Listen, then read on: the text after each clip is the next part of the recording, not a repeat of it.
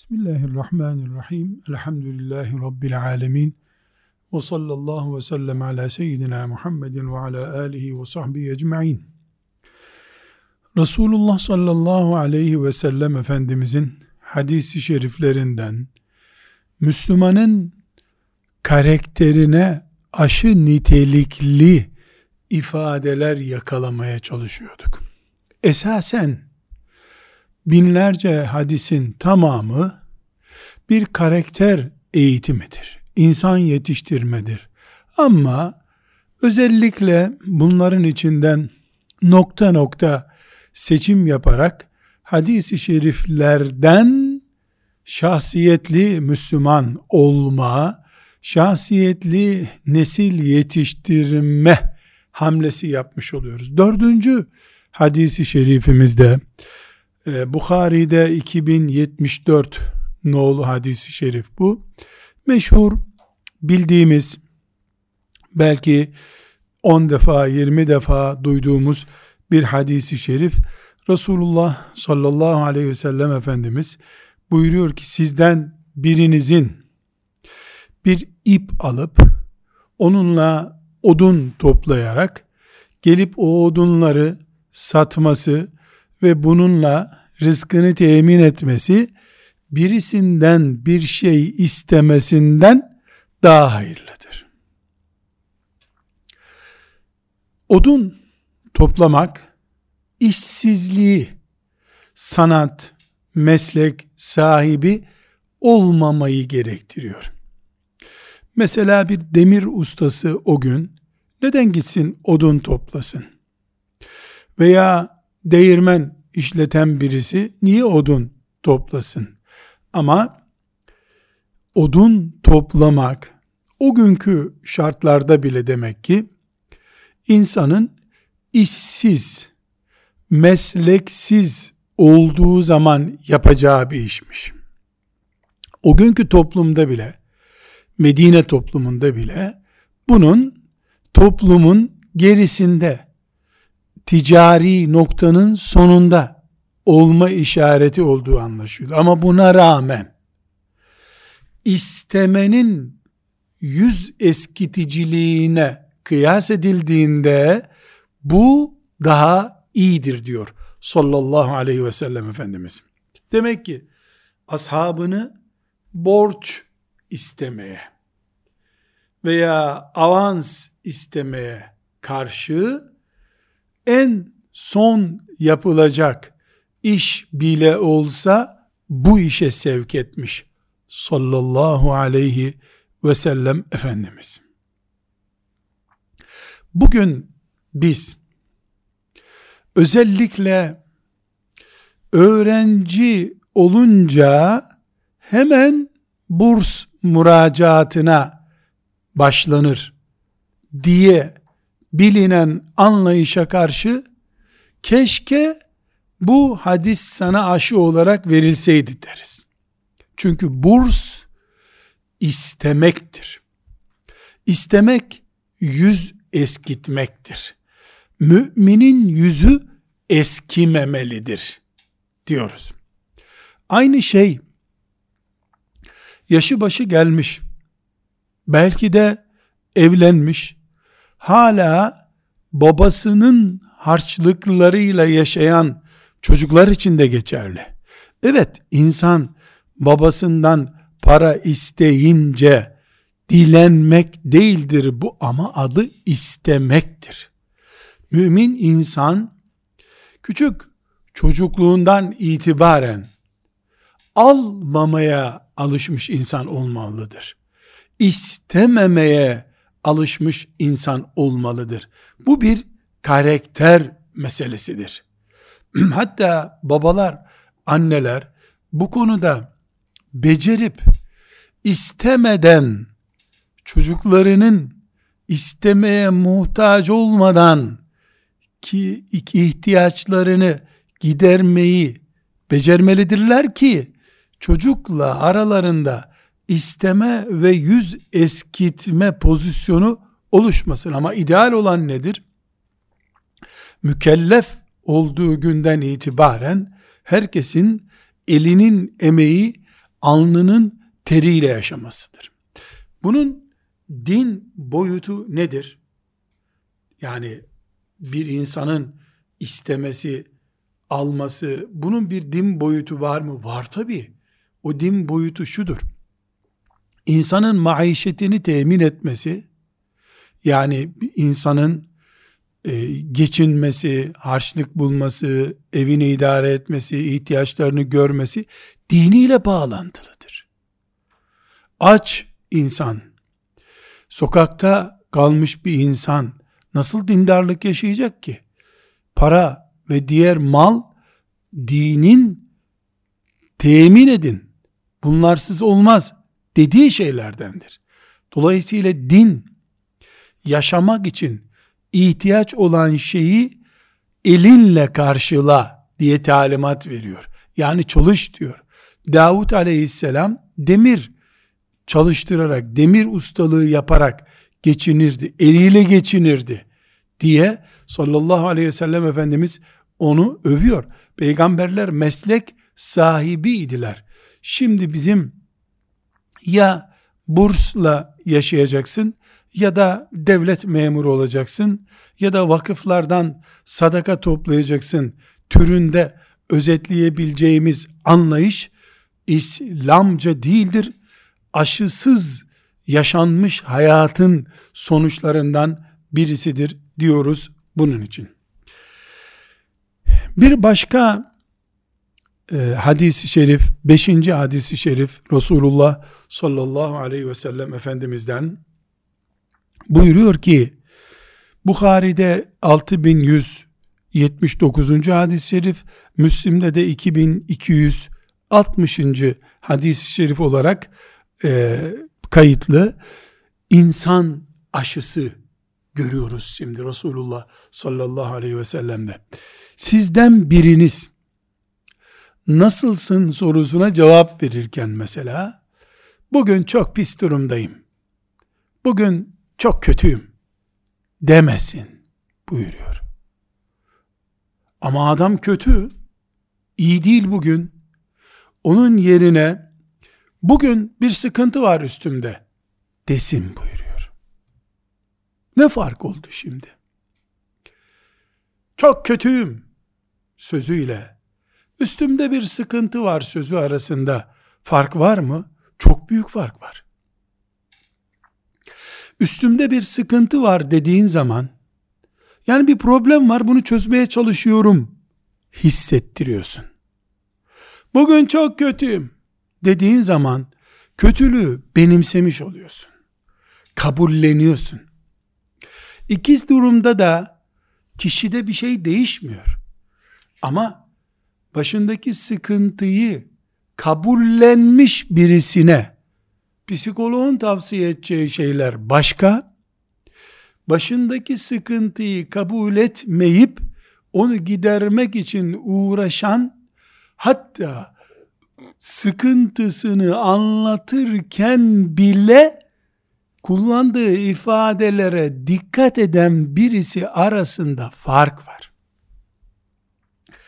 Bu aşı fertler olarak muhtaç olduğumuz bir aşıdır ümmet olarak da muhtaç olduğumuz bir aşıdır. Biz batıkız. Bizim kaderimiz buymuş. Diyen bir kitleyle çalışıyoruz. Yoldayız. Sonuçlar belli değil. Diyen arasında bir fark var mı? Müthiş bir fark var. Bu müttefakun aleyh hadisi şerif. Bu ince, ip ince noktaya bile dikkat eden ifadeler kullanmamızı istiyor. Bu ifadeyi böyle kullan diyen peygamber sallallahu aleyhi ve sellem ümmetinden birisinin mağlubiyete razı olmasını hiç kabul eder mi? Bunu biz sadece psikolojik sorunlarımız açısından ele almıyoruz. Bu bir aşı. Bünyemize bu aşıyı koyacağız. Kullandığın ifadelere bile dikkat et seni çökertmesin diye bu ifadeyi alacağız. Ondan sonra da ailemizde eşimiz, çocuklarımız, anamız, babamız, aile fertlerimiz bizim gözümüzde yanlış noktalarda, bizi rahatsız edecek noktalarda olsalar bile biz ben bahtsız biriymişim, bana anne nasip olmadı. Benim bahtım çok kötü. Benim evlatlarım şöyle rastladı. Benim benim şansım yokmuş eşten yana deyip bataklıkta daha fazla batacak ifadeler kullanma yerine beni Rabbim bununla imtihan edecek. Demek ki benim performansım böyle olmalı. Demem gerekiyor. Bir öğrenci ders çalışırken ben matematik anlamam mümkün değil. Ben babam da anlamazdı zaten. Ben matematikle boşuna uğraşmayayım. Deyip matematikten sınıf geçmeye çalışmasını düşünelim. Aynı zekada bir öğrencinin de ben matematiği kolay anlamıyorum ama çalışmam gerekiyor deyip ders çalıştığını düşünelim. Hangisinin sonucu daha randımanlı olacaktır? İkisi de aslında zekada aynılar. İkisi de matematikten anlamıyorlar ama birisi baştan pes etmiş. Benim matematikten nasibim yok bu dünyada demiş. Bu belki de o okulu bırakmak zorundadır artık. Aynı şeyi öbür öğrenciye bakıyoruz. Belki matematik profesörü olmayacak o öğrenci ama Allah'ın izniyle de o okulu bitirip gidecektir.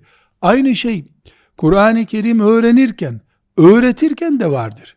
Yani bir hocanın Kur'an öğrettiği bir talebesine mesela bu çocuk ayn harflerini yapamıyor. E, peltek z'leri yapamıyor.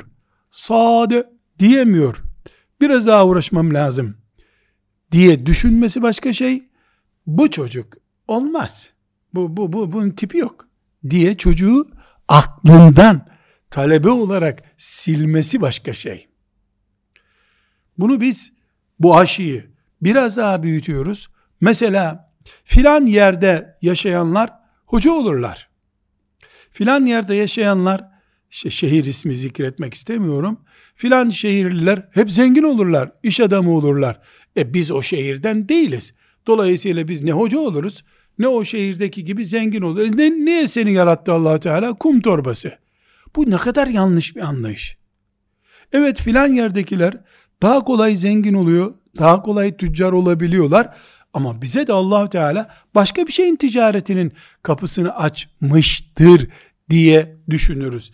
Teslimiyetçi, çökmüş kafa başka şey, çalışan, gayret eden, yıpranırsa da dökülüp çökmeyen kafa başka bir şey. Hadisi şerifi e, tekrar ediyorum. La yekulenne ahadukum habuset nefsi. Sizden biriniz çok pis oldu benim halim demesin. Velakin liyekul lakiset nefsi. Bayağı bugün sıkıntı var başımda desin buyuruyor. Bu eğer psikoloji bilmesek yani e, ne ne fark var ki ikisi arasında diyeceğiz. Hayır. Mağlubiyeti ve batmışlığı, çürümüşlüğü kabul etmekle direnen kafa olmak arasındaki farktır bu. Benim şahsi kanaatimi ebeveyn olan kardeşlerime arz etmek istiyorum. Benim iki anne ve babanın çocuğunu yetiştirmenin zor olduğuna dair bir kanaatim var. Birincisi anne ve baba geliyor e, mesela bize hafız yap bu çocuğu diye getirirler. Sana bu çocuk hafız olur mu olmaz mı diye sormuyor. O öyle bir adak yapmış. Adeta geliyor sana karpuzu veriyor bundan zeytinyağı çıkar diyor. Yahu bunun hafız olması çok zor. İşte şöyle. Yo, yo, olur olur hoca biz adadık bunu diyor. Bu çok zor. Yani çocuğu Allahu Teala matematik için yaratmış. Hafızlık başka bir şey. Çocuğu Allahu Teala siyaset için yaratmış. Hafızlık başka bir şey. Anlatamıyorsun. Bu anne baba sıkıntılı. Başka bir anne baba görüyorum. İkinci tip anne baba geliyor. Bu bildiğin eşek. Bundan hiçbir şey olmaz. Bir dene bakalım olur mu diyor. Gerçekten olmaz. Niye olmaz? Ya olsa sen onu boğacaksın zaten. Çocuk Kur'an'ı baştan sona yanlışsız okumuş olsa bile sen aferin demeyeceksin ki olmamıştır muhakkak diyeceksin. Şeytan iki tip babayı ve anneyi de gırtlağından sıkmış durumdadır. Birincisi fıtrata ters düşüyor. Çocuğun kabiliyeti nedir ne değildir ona bakmıyor. İkincisi de çocuğu baştan öldürüyor zaten. Peygamber Efendimiz sallallahu aleyhi ve sellem ile insanın başının çatladığı bir gün bile öldüm bugün dememesini istiyor. Bugün bir de başımda bir ağrı var hayırlısı Allah'tan demesi yani bir kapı açık bırak. Kendine bir umut kapısı açık bırak. Bir düzelme kapısı bırak. E şeytan da gelip seni pes etmiş görürse e zaten tırnağıyla bile dokunsa sana yıkılıp kalacaksın sen. Hani neye benziyor bu? Böyle insanın ödü patladığı parmağının üstünde böyle bir e, parmağının üstünde yürümeye çalıştığı bir anda çığlık atsa birisi küt diye yere düşüyor. Neden? E zaten o düşmek üzereydi. E aynı şekilde Allahu Teala bizi imtihan için yaratmış bu dünyada. Bu imtihanlarımızda korkular var, sıkıntılar var, bunalımlar var, çaresizlikler var. Bunların hepsini kabul ederek biz yaşayacağız. Ne yapacağız? Sabredeceğiz. Ne yapacağız? Teselli edeceğiz kendimizi. Allah'ın izniyle muhakkak bir çaresi bulunur umuduyla yaşayacağız. Şeytana kolumuzu uzatıp al asıl demeyeceğiz. Dediğimiz zaman kendi kuyumuzu kazmış oluruz. İnsanın kendisini basit görmesi, başındaki sıkıntıları çaresiz görmesi veya bunu çocuklarına sorumlusu olduğu kimselere uygulaması böyle bir eksikliktir ve bu yanlıştır. Ve çokça dinlediğimiz 6. hadisi şerife geldik. Müslim'de 2664. hadisi şerif bu. Efendimiz sallallahu aleyhi ve sellem mümini nasıl görmek istediğini tarif ediyor bize. Buyuruyor ki kuvvetli mümin daha hayırlıdır Allah katında. Zayıf müminden. Vurgulamak için böyle tercüme ediyorum. Yani kuvvetli mümin zayıf müminle karşılaştırıldığında kuvvetli mümin daha hayırlıdır Allah katında zayıf müminden. Gerçi herkes hayırlıdır iman ettiği için. Yani mümin zayıf da olsa, pasif de olsa, yıkık dökük de olsa iman bir mücevher olduğu için, cevher olduğu için o Allah'ın izniyle hayırlıdır. Ama ondan daha güçlü duran mümin varsa o ondan daha hayırlıdır. İman hayırdır zaten. Ama iman edenler arasında da bir derecelendirme var. Mesela Ebu Bekir radıyallahu anh'la karşılaştırılacak bir tarafımız olur mu bizim? Evet iman ederken inşallah aynı cennete gireceğimize inandık. Elhamdülillah öyle de olacak. Rabbim imanımızı korusun ve son nefesimizi o şekilde teslim etmeyi nasip etsin. Aynı cennet ama yani arada çok büyük farklılıklar var. Ebu Bekir'in makamıyla bizim makamımızın kıyası mümkün değil. Yani imandan başka e, bir beraberliğimiz yok denecek kadar fark var aramızda. Kuvvetli mümin, namaz kılarken daha kuvvetli namaz kılan mümin, zayıf kılandan hayırlı. Pazusu, gücü, kuvveti yerindeki mümin daha hayırlı. Neden? Çünkü din, ibadet istiyor, eli ayağı tutandan daha çok istiyor bunu. Çünkü din cihat istiyor, bu aklı, aklı, bedeni daha güçlü olandan daha çok hayır görüyor din. Dolayısıyla bizim sadece kendimiz için yaşamadığımız bir dünyada, dinimiz için, ümmetimiz için, insanlık için yaşadığımız bir dünyada daha iyi olanımız Allah katında da daha iyi. Temel prensibi böyle koyduktan sonra sallallahu aleyhi ve sellem Efendimiz şimdi biz bunu aşıya dönüştüreceğiz. Yani ben zayıf yaratıldım ne yapayım deyip bu hadisten kendimizi arındırabiliriz aklımızda. Öyle değil. Hayır öyle değil. Allah'ın izniyle ben yaratıldığım gibi de güzelim, değerliyim Allah katında diyeceğim. Şimdi Efendimiz sallallahu aleyhi ve sellem güçlü olmayı veya güçlü gibi kendini hissetmeyi tarif ediyor. Dolayısıyla aşıyı şimdi yapıyor. Ashab-ı kirama yaptığı aşıyı yapıyor. Ehli beytine, hanımlarına, torunlarına yaptığı aşıyı bize de yapıyor. Biz de bunu biiznillahü teala kendimize yaparak ya da mevcut aşımızı takviye ederek Allahu Teala'nın daha çok razı olduğu mümin olacağız. Ne buyuruyor? İhris ala ma yenfe'uke. Aşının A bendi bu. Sana faydası olacak şeylerle ilgilen. Sana faydası olacak şeylerle ilgilen. Gıdanı seçerken senin hazmettiğin şeyleri seç demek bu. Kitap okurken anlayacağın kitap oku demek. Sohbete gideceğin zaman sana faydası olacak sohbete git demek. Evleneceğin zaman senin mutluluğunu sağlayacak bir eşle evlen demek. Camiye giderken bile iki cami imkanın varsa daha çok sevap kazandıran camiye git demek. Muhabbet edecek bir arkadaş bulurken seni daha iyi takdir eden bir arkadaş bul demek. Yani Müslüman bencil değildir ama menfaatçidir. Menfaatini kullar. Ahiret menfaatini kullar. Dünya menfaatini kullar. Bunların ikisinin ortalamasını bulunca da egoistlikten kurtulur. Bencillikten kurtulur Müslüman. Asla bencil değildir. Benim olsun başkasının olmasın değil. Ama faydam olmayacaksa, bana da faydası olmayacaksa niye buradayım ben der Müslüman. Bunu der. Müslüman ehris ala ma yenfa'uke aşısı almıştır.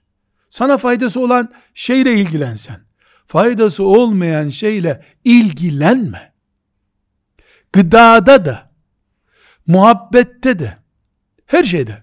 Mesela en basitinden bir örnek. Bir ev satın alacağım. Herkes filan yerden alıyor. Benimle ne ilgisi var bunun herkesin nereden aldığı? Ben anama babama yakınlığını ölçebilirim. Ekonomime uygun olanını ölçebilirim. Bünyeme daha uygun olanını ölçebilirim. Yaşlıyım merdiven çıkma sorunum olmasın diyebilirim. Camiye yakın olanını seçebilirim. Çocuklarımın iş yerine yakın olanını seçebilirim. Çarşısı daha yakın olanını seçebilirim. Yol gürültüsü olmayanını seçebilirim. Ama herkes buradan alıyor. Reklamlar böyle yapılıyor diyemem. Çünkü bana peygamberim ne buyurmuştu? Ehris ala ma yenfa'uke. Sana faydalı olan şeyin peşinde ol sen. Ve vesta'in billahi ve la ta'cez. Allah'a sarıl, pasif olma. Pasif olma. Bu pasif olma ne demek? Yani sen üzerine düşeni yaptın. Allah'a da tevekkül ediyorsun. Bittim tükendim deme. Kendin ayakta durabileceğine inan. Sen kendin ayakta durabileceğine inanamıyorsan sana hangi bir psikolog psikolog ayakta durma talimatı terapisi yapabilir ki?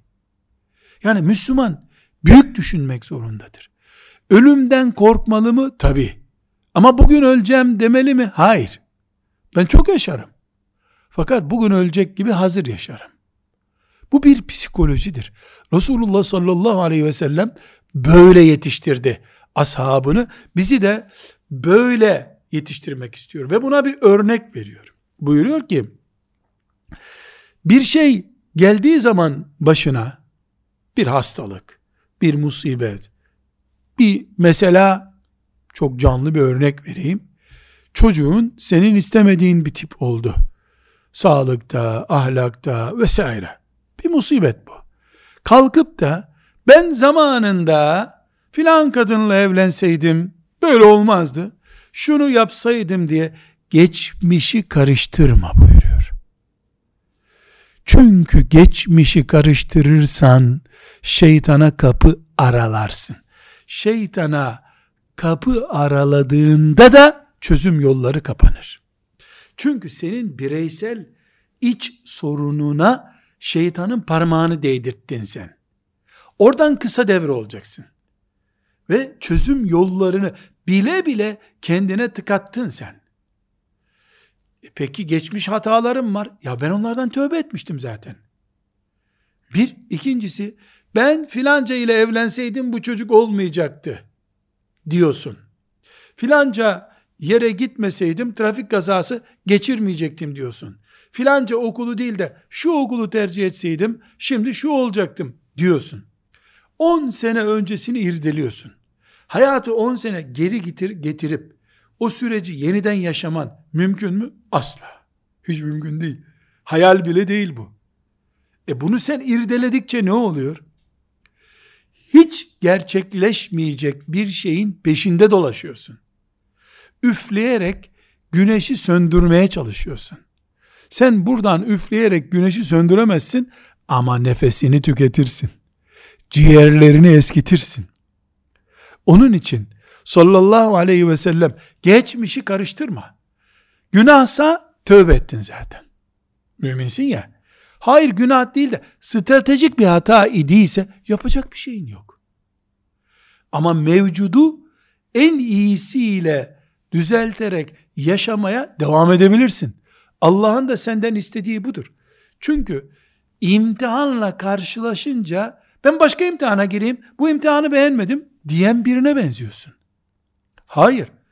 Meslek seçiminde, eş seçiminde, çocuklara sahip olmakta, mal sahibi olmakta, fakirlikte, sağlık sorununda, hatta ve hatta yaptığın büyük hataların sonucunu yaşamakta bile karıştırmanın bir manası yok. Karıştırmak değil, tövbe edip gömmek, onun yerine güzel işler yapmaktır buyuruyor sallallahu aleyhi ve sellem. Bu altıncı aşısında aleyhissalatü vesselamın ne görmüş olduk? Mümin sen, sen yapman gereken şey güçlü olmaktır. Çünkü Allah güçlü mümin seviyor. Akılda güçlü, zekada güçlü, kolda güçlü, eylemde güçlü, sözde güçlü, her şeyde güçlü olmak istiyor. Ama bir dönem geçti, sen zayıf yaşadın. Ya da bünyenin kaldırmadığı şeyler var. Yine psikolojin güçlü adam, güçlü mümin psikolojisi olmalıdır. Pasifliği kendine yakıştırma. Bunun maddi sebeplerini yani ihris ma enfa'uke buyurmuştu ya maddi sebeplerini yerine getir. Çalış, gayret et, egzersizler yap, çok oku, ne yapacaksan yap, istişareler yap, güçlülüğün yanında bulun vesaire. Manevi olarak da kendini boşa çıkartacak teknik hatalar yapma. Mesela geçmişi karıştırma. Mesela biz işte ailece zaten kafamız çalışmaz bu işlere deme. Zaten biz hiç namaz kılan bir adam yok ki bizim sülalede ben şükür cumayı kılıyorum sakın deme. Yani İbrahim Aleyhisselam'ın da babaları, amcaları e, namaz kılan adamlar değillerdi ama İbrahim geldi aleyhisselam. Yani atalarınla bağlantı kurmana gerek yok iyi veya kötü anlamda. Çünkü ataların iyi olsa da sen otomatik iyi olmayacaksın. Aynı şekilde de bir mümin olarak kendini pasif duruma düşürecek ortam oluşturma. Diyor sallallahu aleyhi ve sellem Efendimiz. Yedinci aşı özellikle anne ve baba olanlar için çok gerekli. Sonra da anne ve baba adayı olacağı için herkes için geçerli. Bir de bir öğretmen konumunda olan öğretmen kardeşlerim için geçerli, önemli.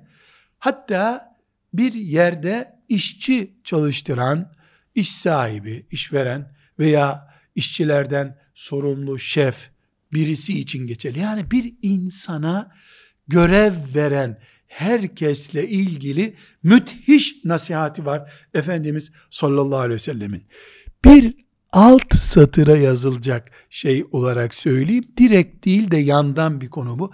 Eşlerin de birbirlerine karşı tavırları açısından müthiş bir örnek bu.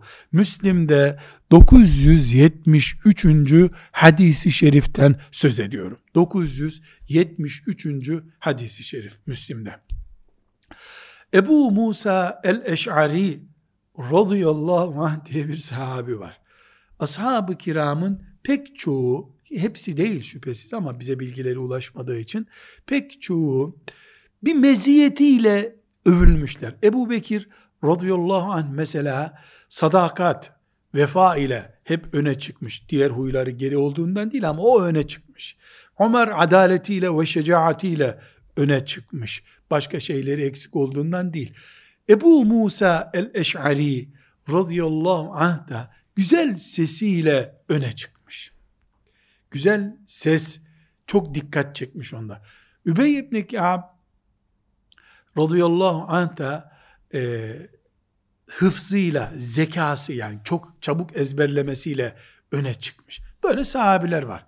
Mesela Üsame radıyallahu anh matematik zekasıyla öne çıkmış. Ali radıyallahu anh fıkıh muhakeme gücüyle ortaya çıkmış. Osman radıyallahu anh haya, utanma, bir e, bugünkü ifadeyle sadece anlaşılsın diye kullanılan beyefendi ve nezaketlikle ortaya çıkmış. Radıyallahu anhum cemiyan. Ebu Musa el-Eş'ari radıyallahu anh güzel Kur'an okurmuş. Bir gün Efendimiz sallallahu aleyhi ve sellem akşam mescitte birisinin Kur'an okuduğunu duymuş. Kulak vermiş, bakmış ki Ebu Musa el-Eş'ari Kur'an okuyor. Çünkü Efendimiz sallallahu aleyhi ve sellemin evi, yattığı yer mescitle bitişik. Duvar da yok zaten. Sabah olduğunda Ebu Musa'ya buyurmuş ki şimdi bütün öğretmenlere, annelere, babalara, şeflere ve eşlere bu sözü söylüyoruz. Buyurmuş ki Ebu Musa, yahu akşam beni bir görseydin, ne hayranlıkla seni dinliyordum yahu. Be adam, sana Davut aleyhisselam gibi bir ses verilmiş yahu, demiş. metnin kendisini okuyayım. Hepimize tesiri kat kat daha fazla olsun diye inşallah.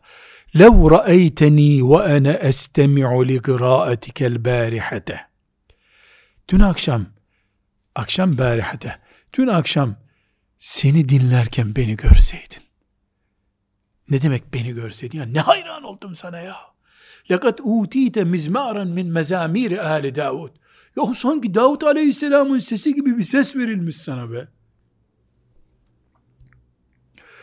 Bu nedir? Bir yemek yapan hanıma ya bu ne yemekti ya sen hangi ahçılık kursundan mezun oldun? Ay Allah razı olsun be. Şu el öpülür be diyen adamdır. Sen ne mübarek bir eşsin yahu sinirlenmesi gerektiği halde bile sinirlenmemişsin. Ay Allah senden koca gibi razı olsun ya ne mübarek bir kocasın sen diyen kadının sözüdür. Aferin yavruma benim.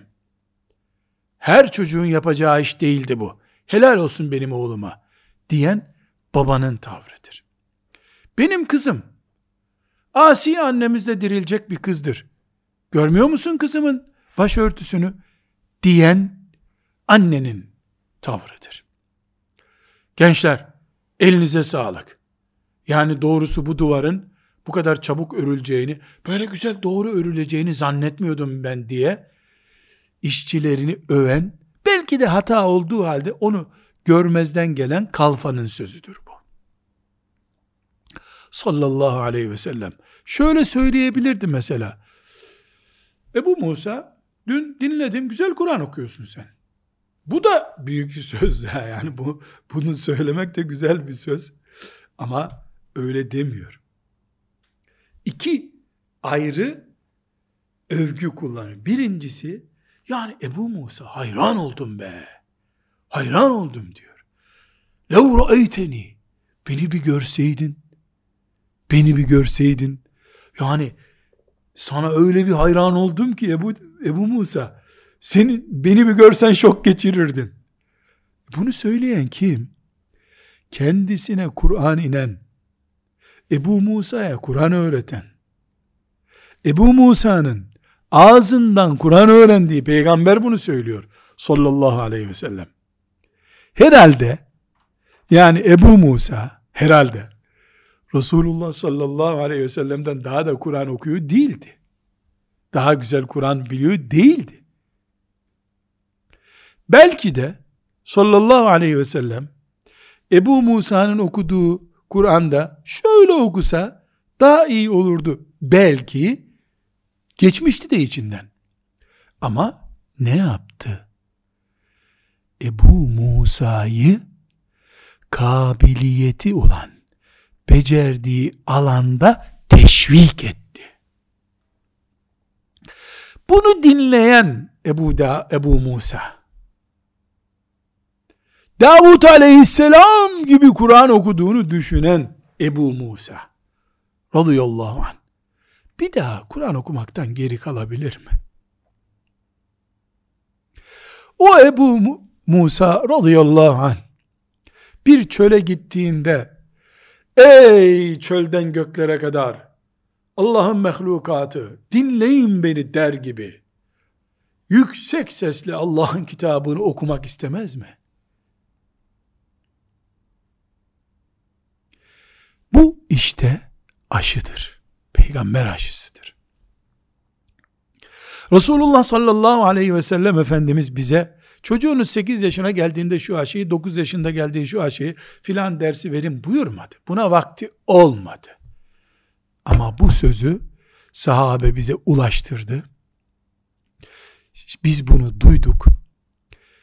Bundan hayatın bütününe örgü çıkarmak zorundayız.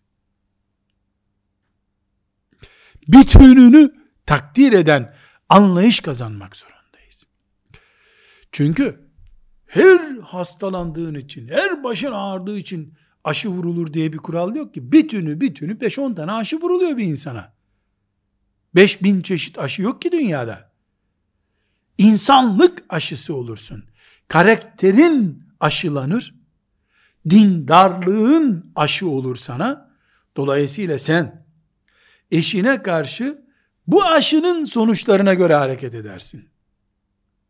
Hata ettiğin zaman da kalkar eşine iki gün sonra dersin ki yani bir şey söyleyeceğim sana ama aslında söylemeye bile utanıyorum yapmamam gereken bir hareketti o ama maşallah ya sen ona bile sabrettin ya. Allah senden razı olsun. Bak bu aşı işte. لَوْ رَأَيْتَنِي وَاَنَا اَسْتَمِعُ لِقْرَاءَتِكِ Bir görsen beni seni nasıl dinliyordum Ebu Musa. Bir görsen beni. Resulullah sallallahu aleyhi ve sellem Cebrail'i dinlemiş birisi. Ebu Musa'yı niye dinlesin? Kulaklarına Cebrail'den ses gelmiş onun. Sidretül Münteha noktasında ses dinlemiş o. Muhammed sesini sallallahu aleyhi ve sellem yedinci kat göklerden sonra duymuş. Cennette ayak sesi duydum diyor. Cennet ırmaklarının sesini duymuş. Ebu Musa'nın sesi nereden ona bulunmaz bir ses olacak? Mesele o değil. Ebu Musa'da bir kabiliyet var. O kabiliyeti öne çıkarıp kıyamete kadar ümmeti Muhammed'den güzel sesli çocuklara örnek olacak bir simge çıkarıyor. Mesele bu. Peygamberlerle örnekleştirilecek Davud aleyhisselam Sadece Davut da değil. Demek ki Davut Aleyhisselam'ın çocukları ve ailesinde de güzel bir ses varmış ki Ali Davud. Davud'un ailesindeki ses gibi ses var sende buyurmuş sallallahu aleyhi ve sellem. Peki burada bir soru var. Nedir o soru? Ebu Musa şımarırsa o sesten dolayı riyaya bulaşırsa, o sesten dolayı Kur'an'ı parayla okumaya kalkarsa, o sesten dolayı ben güzel Kur'an okudum diye namaz kılmazsa, o sesten dolayı hocasını takmaz, şımarık bir talebe olursa, e bu kadar şımartılır mı bir çocuk? Ali Davud, sesi gibi ses var sende denir mi? Ben bile hayran oldum sana. Denir mi bir çocuğa? Şımarır. Tabi şımarır. Daha önce ona ihlas aşısı yaptıysan şımarmaz. Tek bir kere bir övdün, başka çocuk seni hiç görmemiş, elbette şımarır. Berbat edersin. Senin övgün de lazım değil. Sen bir düzenek içerisinde insan yetiştiriyorsun. O düzenekte daha önce riyaya karşı şirktir riya dikkat et diye uyarmıştın zaten. Bir insana çiçek aşısı faydalı diye çiçek aşısı yapıldıktan sonra daha yemek verilmiyor mu? Madem çiçek aşısı oldun sen atletsiz dolaş kış günü sokakta deniyor mu? Yani bir aşı hayatın bir yönüne bakıyor. Efendimiz sallallahu aleyhi ve sellem Ebu Musa el-Eş'ari överken bize de övülecek şeyleri övün, nankör olmayın demeye getirirken şımartmamanın ilkelerini oturmuştu, oturtmuştu zaten. Nerede oturtmuştu? Kendisini bile tanıtırken abduhu ve rasuluhu diye tanıtmıştı. Ben Allah'ın kuluyum. Sonra da peygamberiyim demişti. Sallallahu aleyhi ve sellem. Ebu Musa belki bir gün önce, belki iki gün önce ondan şu sözü duymuştu. Allah Yahudilere ve Hristiyanlara lanet etsin. Peygamberlerinin kabirlerini bayram yerine çevirdiler. Yani siz beni abartmayın ha. Onların yaptığı gibi abartmayın.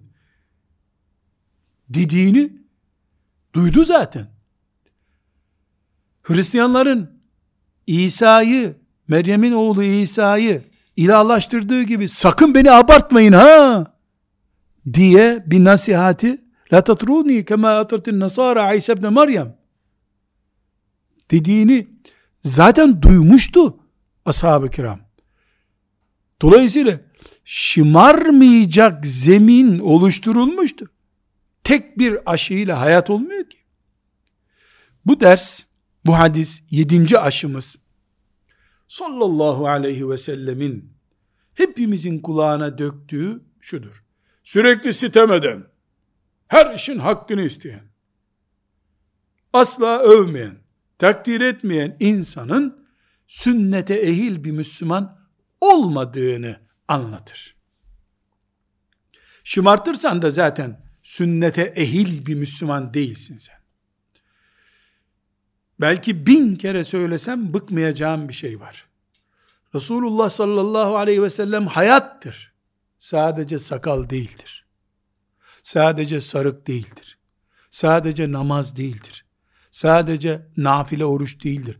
Resulullah sallallahu aleyhi ve sellem ve hayatı bizim için hayattır.